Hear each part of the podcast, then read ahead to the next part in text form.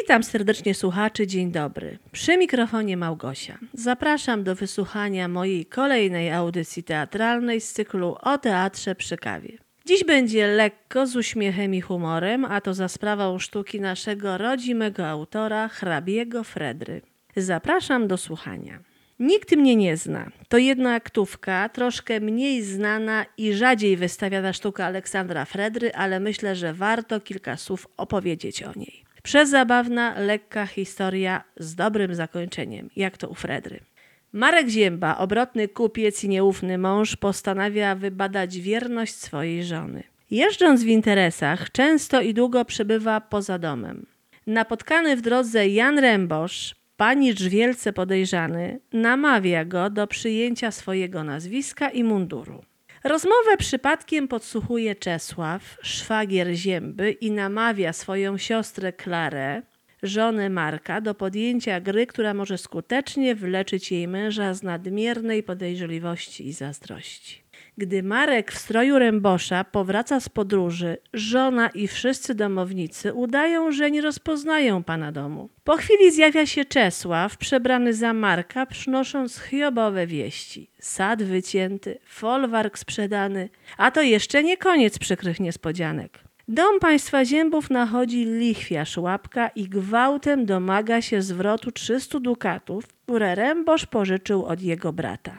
Krewki major Sławnicki żąda satysfakcji od szulera Rębosza, który nosząc mundur jego dawnego pułku plami dobre imię żołnierza.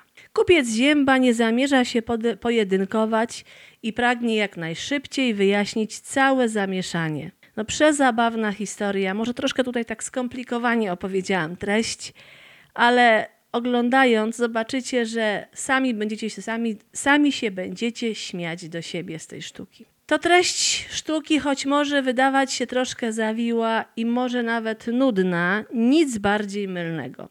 Kiedy oglądałam ten spektakl po raz pierwszy w teatrze telewizji, to było kilka lat temu, moją uwagę przykuła ciepła domowa scenografia stworzona na potrzeby tej sztuki. No jak to u Fredry bywa, Scenografia jest zawsze wręcz powiedziałabym taka troszkę bajkowa, bardzo taka ciepła. A aktorzy odtwarzający swoje role, nie tylko pierwszoplanowe, wszyscy, tak fantastycznie wcielili się w nie, że nawet przez chwilę nie można było popaść w nudę. Każda scena odkrywała ciekawość następnej, co dalej i jak to się skończy. Ponieważ jest to jedna aktówka, sam spektakl nie trwa długo, bo trwa około 40 minut, ale jest bardzo skoncentrowany i bardzo, bardzo warty obejrzenia. Zachęcam Was, bo na pewno oglądając nie będziecie się nudzić. Stare dobre komedie Fredry uczą i bawią. Są skarbcem polskości, a piękno ojczystego języka chroni to, co najlepsze w polskiej tradycji teatralnej.